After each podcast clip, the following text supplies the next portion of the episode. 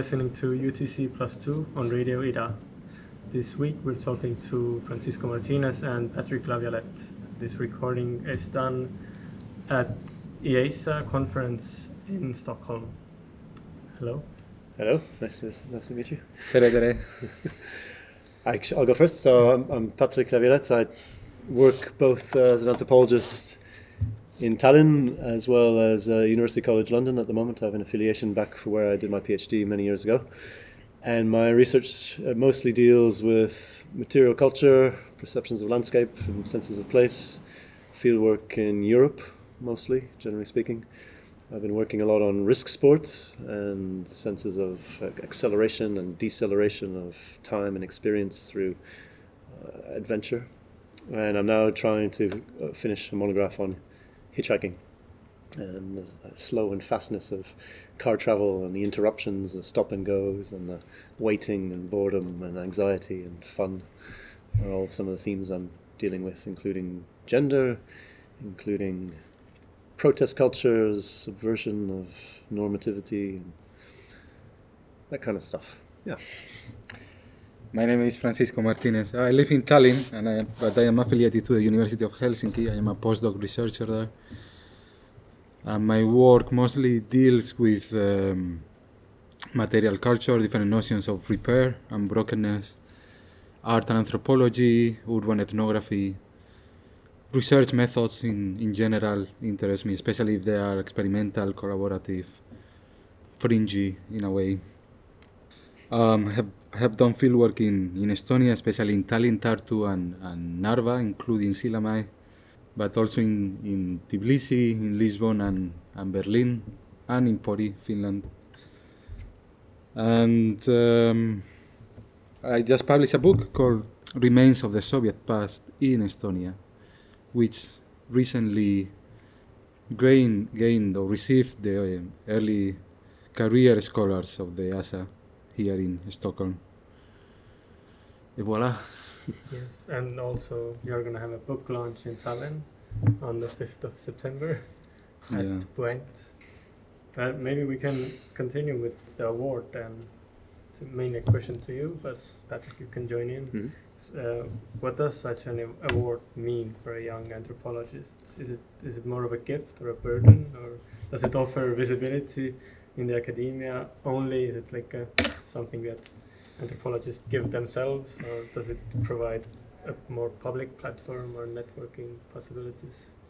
Practically speaking, it probably it means uh, 12 more months of contract. So for those who are uh, um, early careers scholars, young scholars as I am, um, most of us are like having like precarious uh, contractual agreements with universities, such as 12 months, 15 months contracts, and so.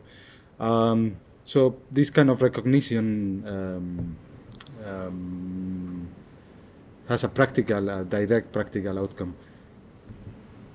Symbolically, it's also very important in the sense that for those who come from the periphery, it's a way of legitimizing, it's a way of making visible your work.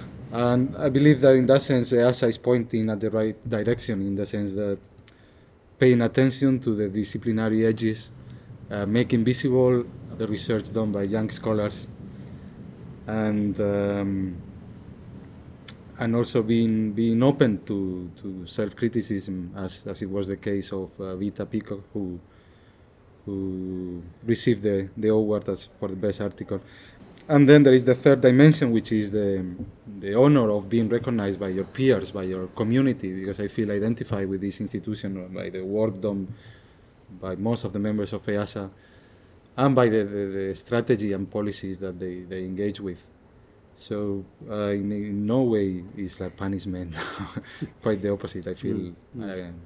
I, I feel it as a great honor, Sure. and I believe that people in, in, in, in Tallinn, I mean, of course, like friends and, and my former supervisors, now friends also, but as well as Tallinn University in a way, and, and it is also kind of should be taken as, as a, as a, as an, uh, one more reason among the many that already exist to reinvigorate the Department of Anthropology and to, to acknowledge that some um, decent work has been has been done in the last decade in this department.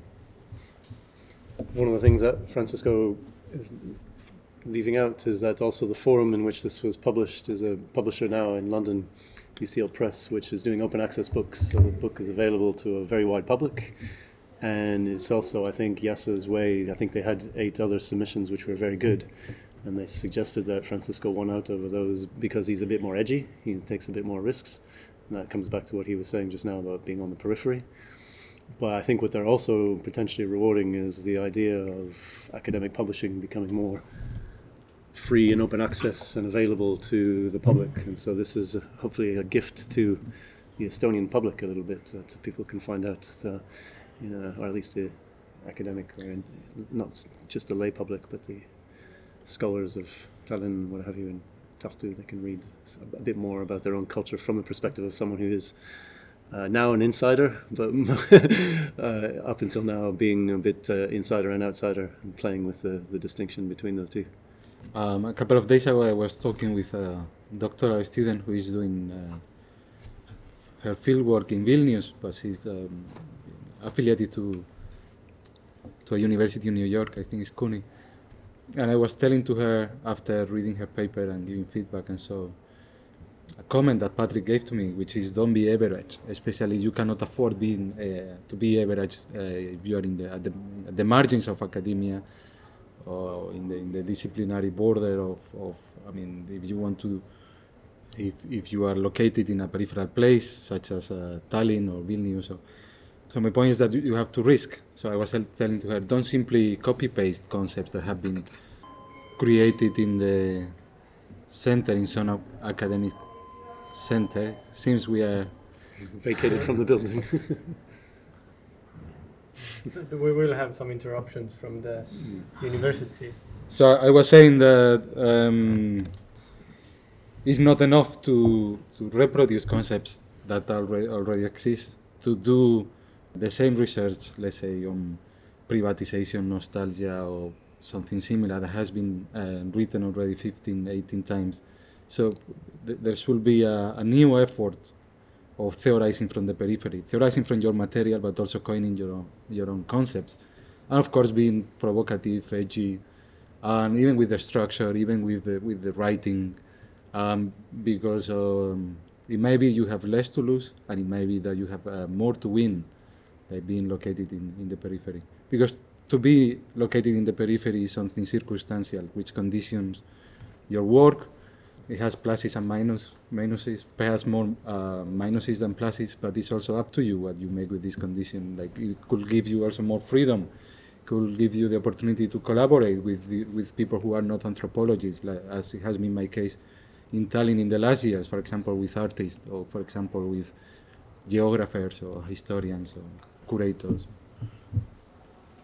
What do you think about fieldwork or research in Tallinn, in Estonia, or about Estonia? Is it is it becoming more fashionable? Are you trying to bring people to Estonia? To do fieldwork, absolutely. Um, in fact, so we've been involved in Tallinn with uh, an organization called BAGS, the Baltic Anthropology Graduate School. It involves four other institutions from Tallinn, um, including Tartu and the ethnologists there, uh, Rigas Stradins, University of Latvia, Kaunas in Lithuania. And we put together a network for for EASA. EASA has a series of networks such as you know anthropology and medicine, anthropology of religion, these kind of focus groups. And we thought we'd put one together for the Baltic region. And we were sort of turned down the first in our first round of application on the basis that we're potentially putting together something a bit too regional.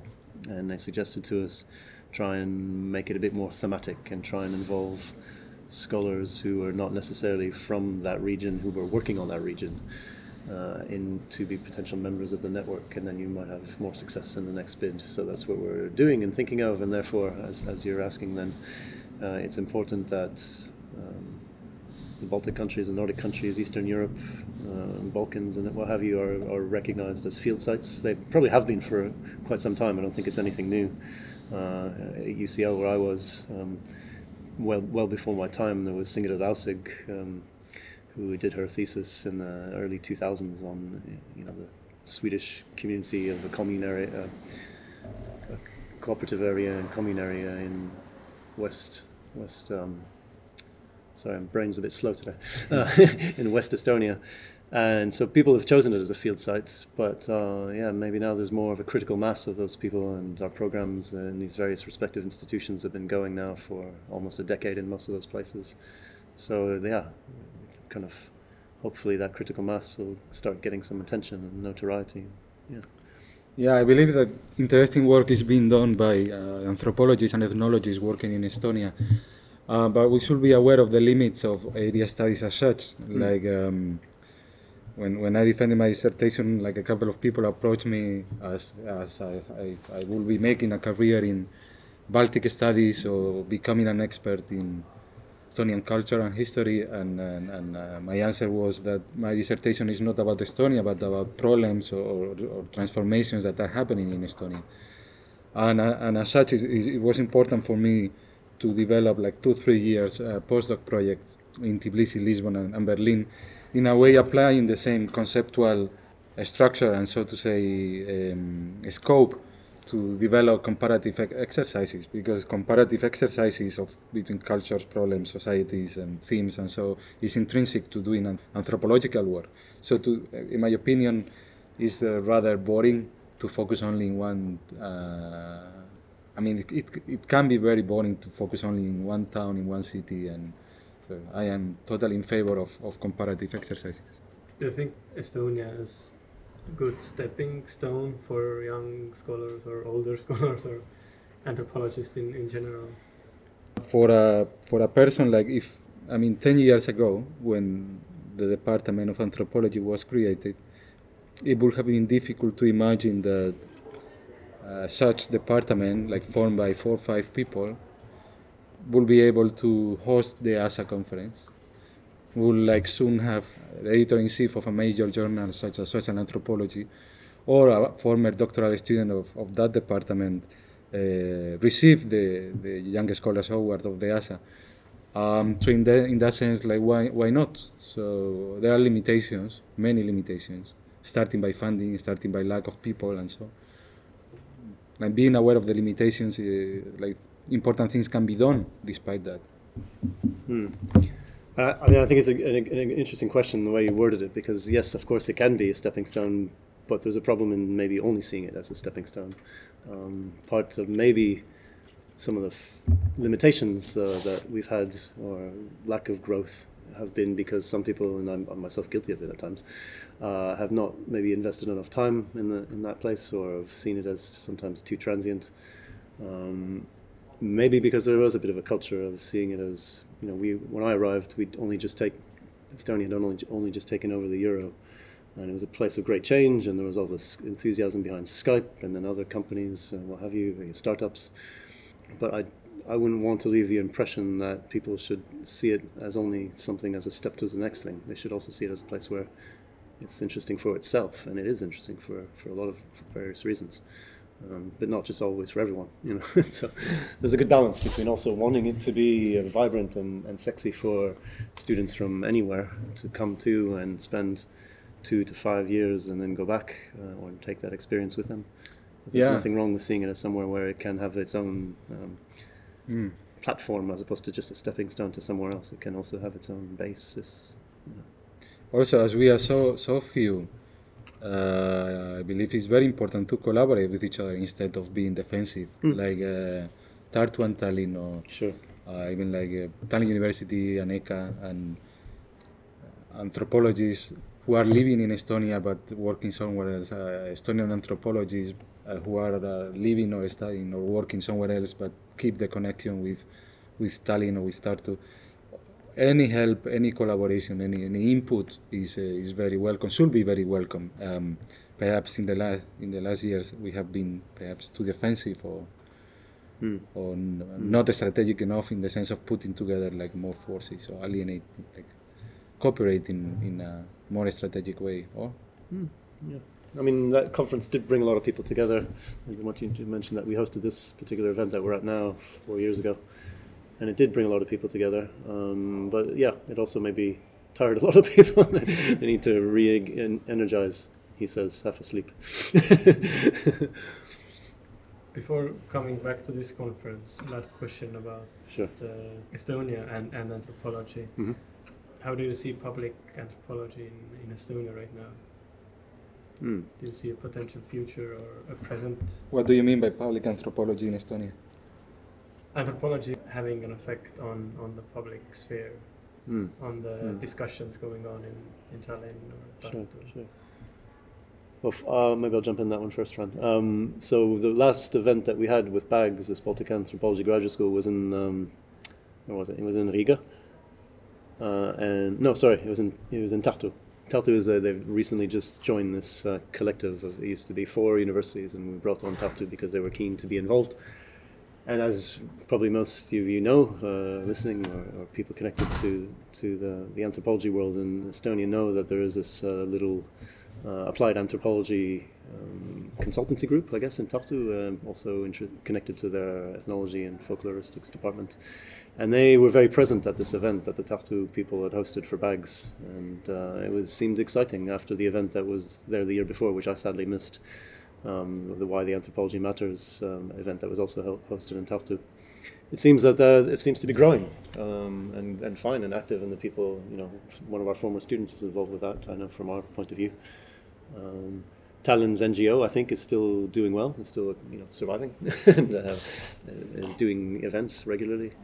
Uh, so I, I don't see that. Uh, don't see any flaws in, in the fact that we're our students, our graduates, uh, people interested in, who visit for temporary time get involved with things that are applied. I seem to see it happening, but uh, maybe my my experience is a bit biased.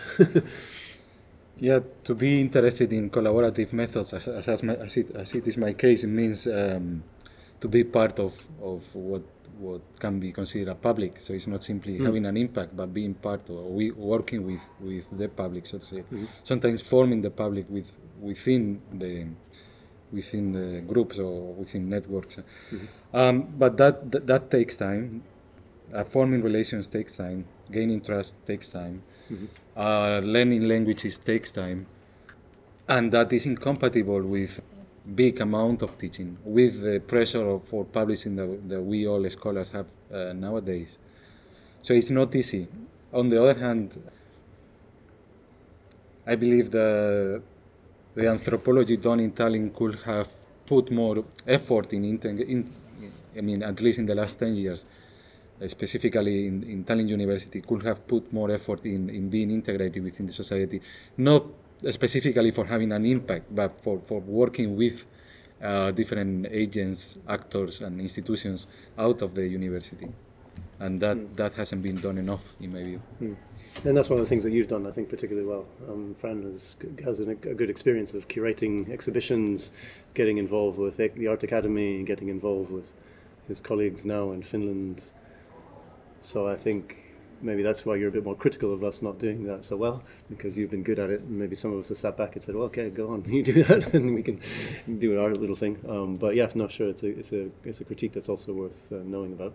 I mean, you were involved, I'm quite sure, with the Kopli Lines kind of project uh, a couple of years ago. Uh, So that was also a big public profile event that also probably had an impact uh, in many levels, and not just making the department or the, or the or the process of anthropology more visible, but also actually listening to voices, recording stories, and trying to find out how people feel about local matters, local issues, and things that impact on their lives. So, so I, yeah, I wouldn't put, I wouldn't be too critical. Uh, that's to say that we haven't done anything. Yeah, we could even question the very question that you pose us in the sense that the working with as a process, Hmm. uh, it could be more important than having an impact as such, because then that means that you are bringing your expert, expertise, putting your expertise, which can be conceptual or can be methodological, on the table, and then people with you are making use of this expertise without having an impact as such, or in short term, it could be simply to um, develop their own understanding of urban commons or their own understanding of um, uh, property, urbanity, collaboration, what it means to collaborate, what it means uh, to create a network. Um, Hmm. Um, and the very process is already valuable. And that could be, in general, uh, a critique of what is considered applied anthropology, which doesn't mean like to cooperate with enterprises, with institutions, uh, like and, and, and having the strategic calculative um, eye on, on having a direct outcome. It's simply that the process as such is, uh, is in the long term and more rich for both parts, for scholars and, and for um, social agents, so to say.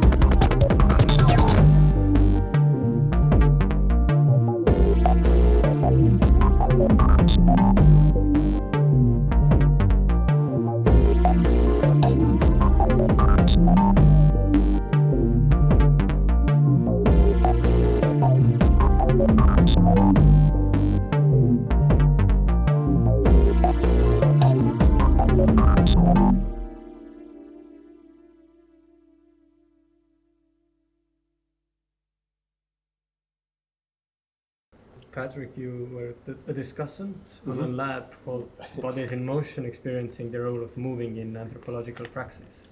Yes. Uh, I'd like to, you to talk about that a bit and Okay. about the about the results. And I'll read a short line from the abstract Sure, please. Yeah. to kind of sum it up. Uh, at the end of the laboratory, we want to discuss how these issues and experiences can be extrapolated to situations of fieldwork and teaching. So Mhm. can kind Sure, sure, sure. Sure. I mean, there's only so much you can do in 90 minutes with uh, a bunch of people, some of whom you know and some of whom you don't. Uh, but we did achieve uh, quite a bit today. The weather was good. It was nice and sunny. Uh, we had a chance to get outside.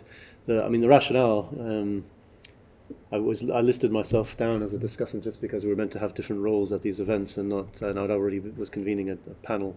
So I, I, effectively, it was a session that myself and Noel Salazar had the idea of putting together.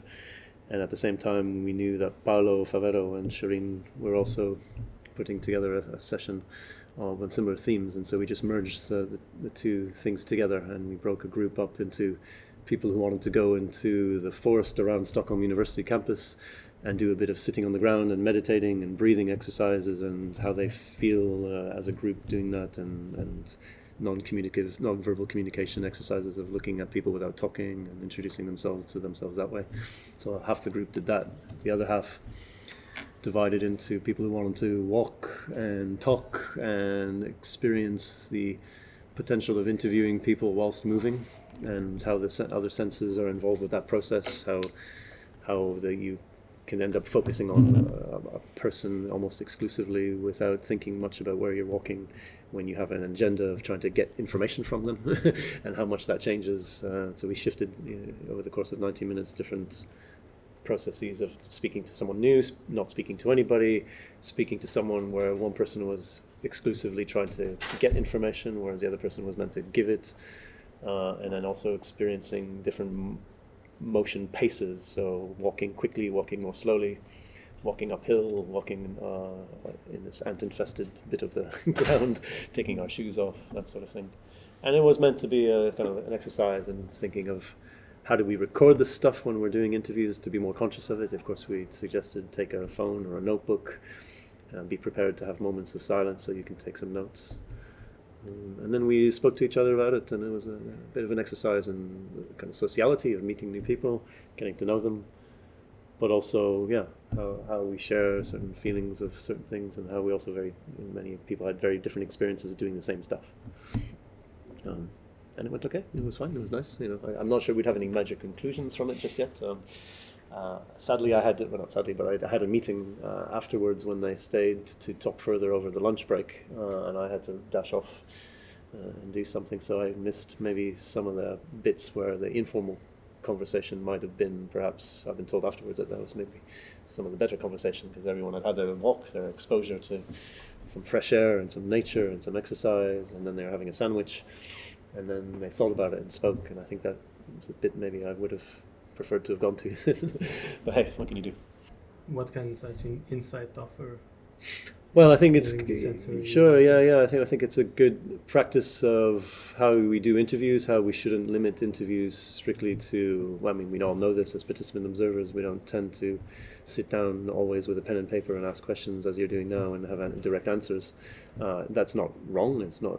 We all know that we do do that during during uh, field work and during research.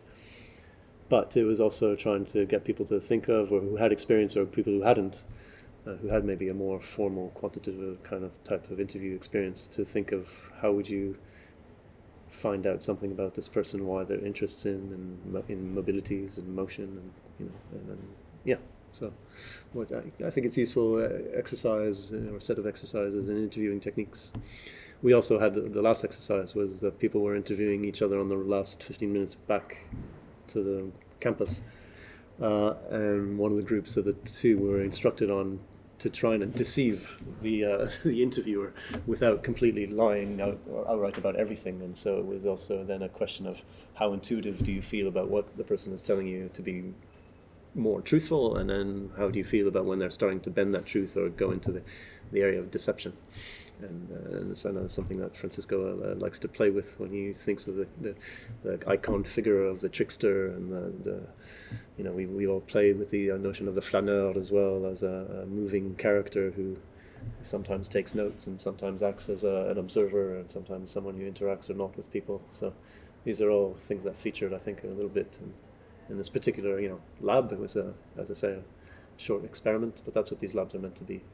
It's kind of playful and fun too. Let's move to the general theme of the radio show, which is slowness, Hmm. speed, temporality, Hmm. which apparently is a big part of both of your work.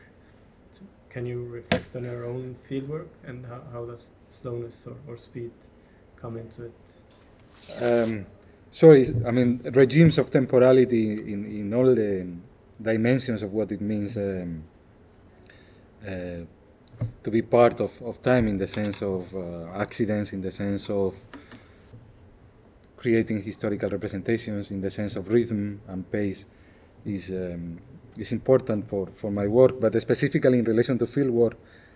Um, I have published a, a paper in which I, I, I sat in, in a cafe for seven hours in a row in five consecutive days in Tbilisi and in Lisbon.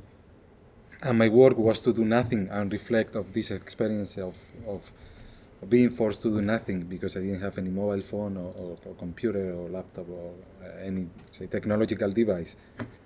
And one of the inspirations of this exercise was a, an example that Lévi-Strauss uh, gives in uh, Tropics, which is like comparing field work with military service. Like you are, it's very tiring and is, it requires discipline. Hmm.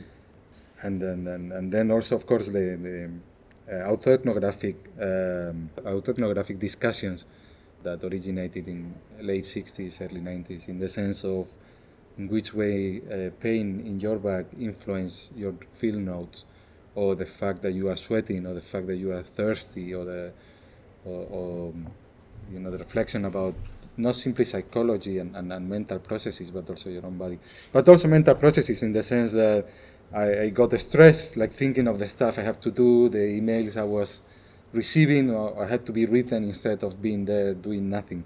That's on, on the one hand.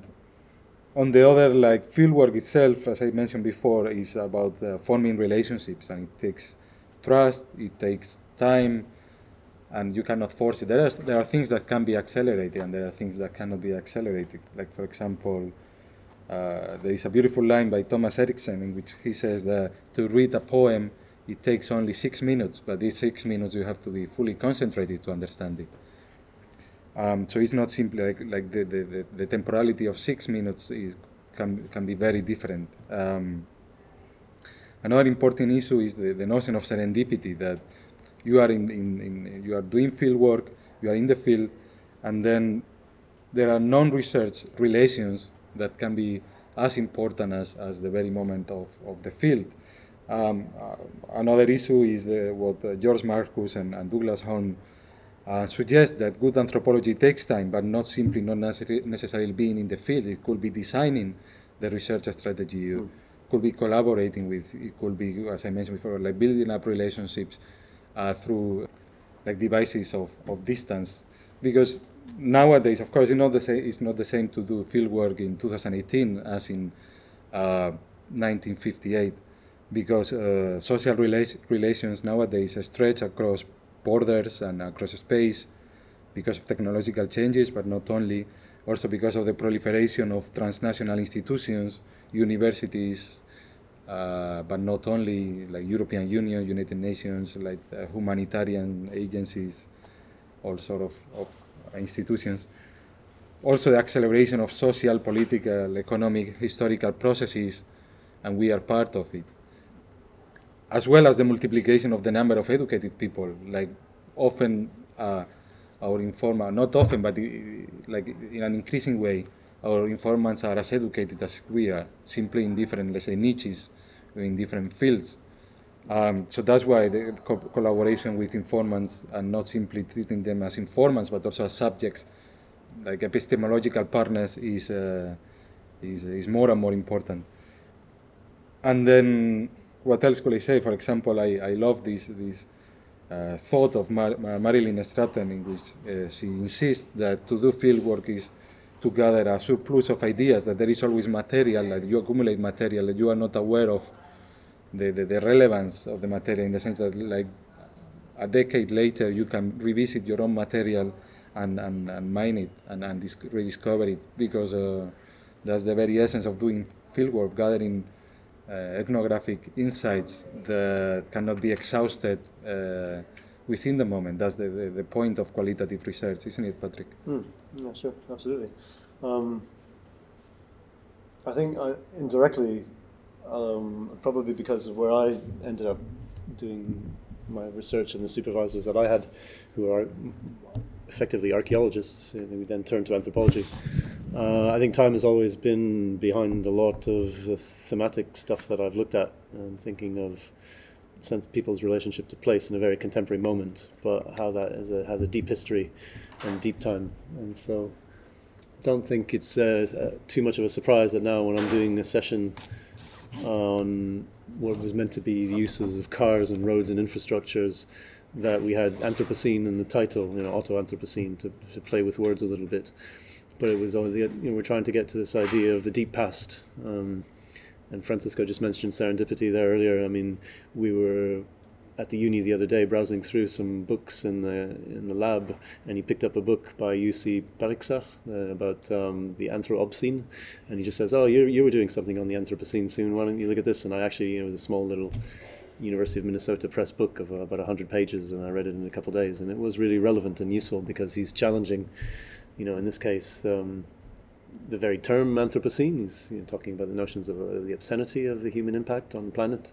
And as uh, someone interested in media studies, he, what he's interested in, in pushing us to realize is that all these gadgets of modernity and post-modernity or hyper-modernity uh, are intensively mineral dependent and energy dependent, and these are having these huge impacts on a planetary level, much perhaps more so than the, the things that we think of initially as uh, you know, carbon emissions or aerosol sprays into the environment. Uh, not that these haven't um, had huge impacts, but they've also been things that we potentially have been able to, in some cases, you know, solve or uh, build towards thinking of how to think differently and use different resources. Um, but the, th- the, the, senses of our iPhones and all the rest, and the energy that this takes, is perhaps the biggest uh, f- uh, future challenge that we have to face. And so he's pointing the finger back at the kind of media and uh, pointing the finger back at all institutions and think, to think how we use uh, resources and energy particularly and, and, to think of deep deep pasts you know and, and the long long term future possibilities so. But in order to serendipity to happen um, in order to accidental findings to occur um, you have to be curious you have to ask yourself questions you have to be hmm. working. Is like this uh, saying by picasso that, um, inspiration has to catch your working you need a certain discipline, like coming back to Lévi-Strauss, like the, to do field work is like to be in the military service. Um, also, uh, it requires a ecology of care and stability and, and, and, and mentalization and, and, being ready, like uh, this kind of uh, educated eye, like this particular sensitivity. So it's accidental, but to a certain degree, not, not um, it, it happens because you, you are ready for it to happen.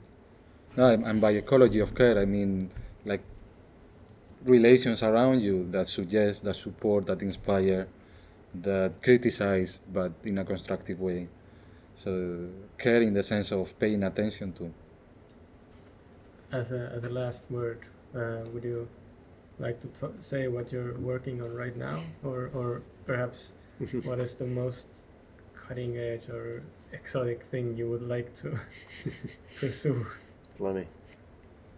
I mean, in relation particularly to time, I guess uh, I'm trying to finish uh, this monograph on hitchhiking, and the stuff I have to finish in particular are very much on the topic or uh, the theme of this conference on, on mobilities. Um, I have to, in a sense, do the, the nasty stuff, which is why I've left it to last, you know, the kind of literature review on mobility studies, of, of which is a field that is huge, and I know a few things quite a bit about in some senses, but it is such a big field that I don't want to end up reading months and months of material on this for for the sake of just finishing a book. Um, I want to do it with some enthusiasm. So the cutting edge stuff that I'm re- reading about mobilities I guess, well, I'm not sure it's cutting edge, but certainly issues to do with counter mobilities, issues to do, of course, with increasing interest in the slow movement or, or alternative ways of seeing time, alternative ways of using time, alternative ways of seeing careers and, and the things that we need to always be providing and outputting versus the stuff that we do for our own pleasure and our own enjoyment and finding the right balance between those things. Um, and yeah, I think that's all I can really. That's all that jumps into my head right now. I mean, uh, I, I, guess I've recently the other thing I was presenting at this conference uh, happened to be an historical anthropology session. In, in within a historical anthropology session, I was doing some work on the biography of Raymond Firth, which was material I collected ten years ago when I was living in New Zealand, and haven't looked at since. And a lot of people would have said, "Well, that was a project that had just been forgotten," and that's just goes to show that in this case, it does take a lot of time and a particular uh, encounter to to suggest that I could rewrite write something up from that data and from uh, those files that I'd accumulated and the personal communications I'd had, and it's not too late to put put it out there. And even though it's not necessarily the sexy stuff and it's history stuff, but uh, you know, this is there were five panels in the History Anthropology Network running at this conference. In the past, there's only ever been one or two, and sometimes none. So, history of anthropology is uh, growing and does seem to be uh, within the European Association, anyway, something that uh, does have some some futuri- futuricity futuricity to it. I just finished three small projects I had in in Lisbon. Um, Berlin and, and Tbilisi in Lisbon, I was applying the notion of recovery, uh, recuperation and repair in, in, in post-crisis Portugal, in the sense studying the way people recover all things uh, like material things in order to negotiate the effects of crisis. And that is uh, coming out as a volume with 10 uh, other researchers. I wrote the, the introduction and, and uh, edited the volume. Then an article I wrote about photo, photo automats in, in Berlin with 60 interviews of users of photo automats, like, like asking people, why do you come to this analogical machine, like device, when you have a photo camera in your mobile phone.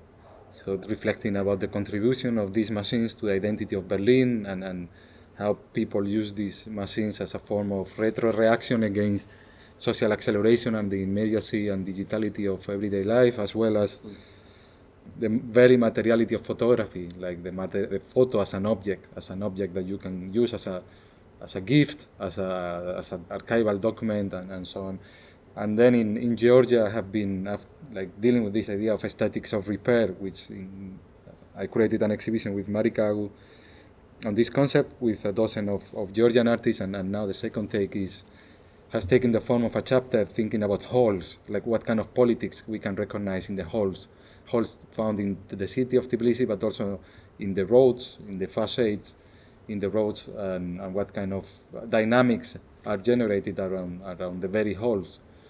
And then my next two projects are the first one in the uh, Museum of Estonian Museum of Applied Arts and Design, an exhibition called um, um, Contemporary Objects of Attention, in which we are transporting the, the, the, the, very thinness of objects into objects of attention, in the sense of uh, I have invited 12 contemporary artists to transform an object or to create an artwork through an object that helps to understand uh, the actual challenges of society.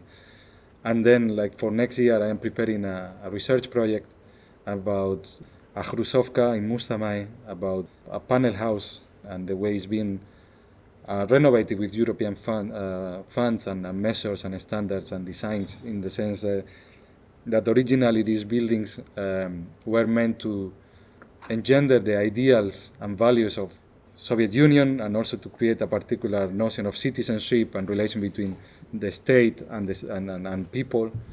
To a certain degree, uh, they, they were effective in, the, in doing so, they were successful in doing so. But nowadays, the very renovation according to European standards and, and environmental measures, and, and so these buildings are meant to act as agents of Europeanization at the very same buildings also another like interesting point is that these buildings uh, are being considered like very similar designs, if not the same. In Santiago de Chile, they are considered a heritage. In Moscow, they are being demolished In uh, Kazan or Ufa, they are being abandoned, but in Tallinn, they are being renovated, like fully renovated. So it's a it's an uh, object of study that I, I I will I would like to develop within the next years. We've been talking to Francisco Martinez and Patrick Laviolette at the end of a tiring conference. Thanks for taking the time to chat here, Sure. Thank you. Thanks to you. Yes. It's a pleasure. Absolutely. and thank you for listening to UTC Plus Two. Aitäh.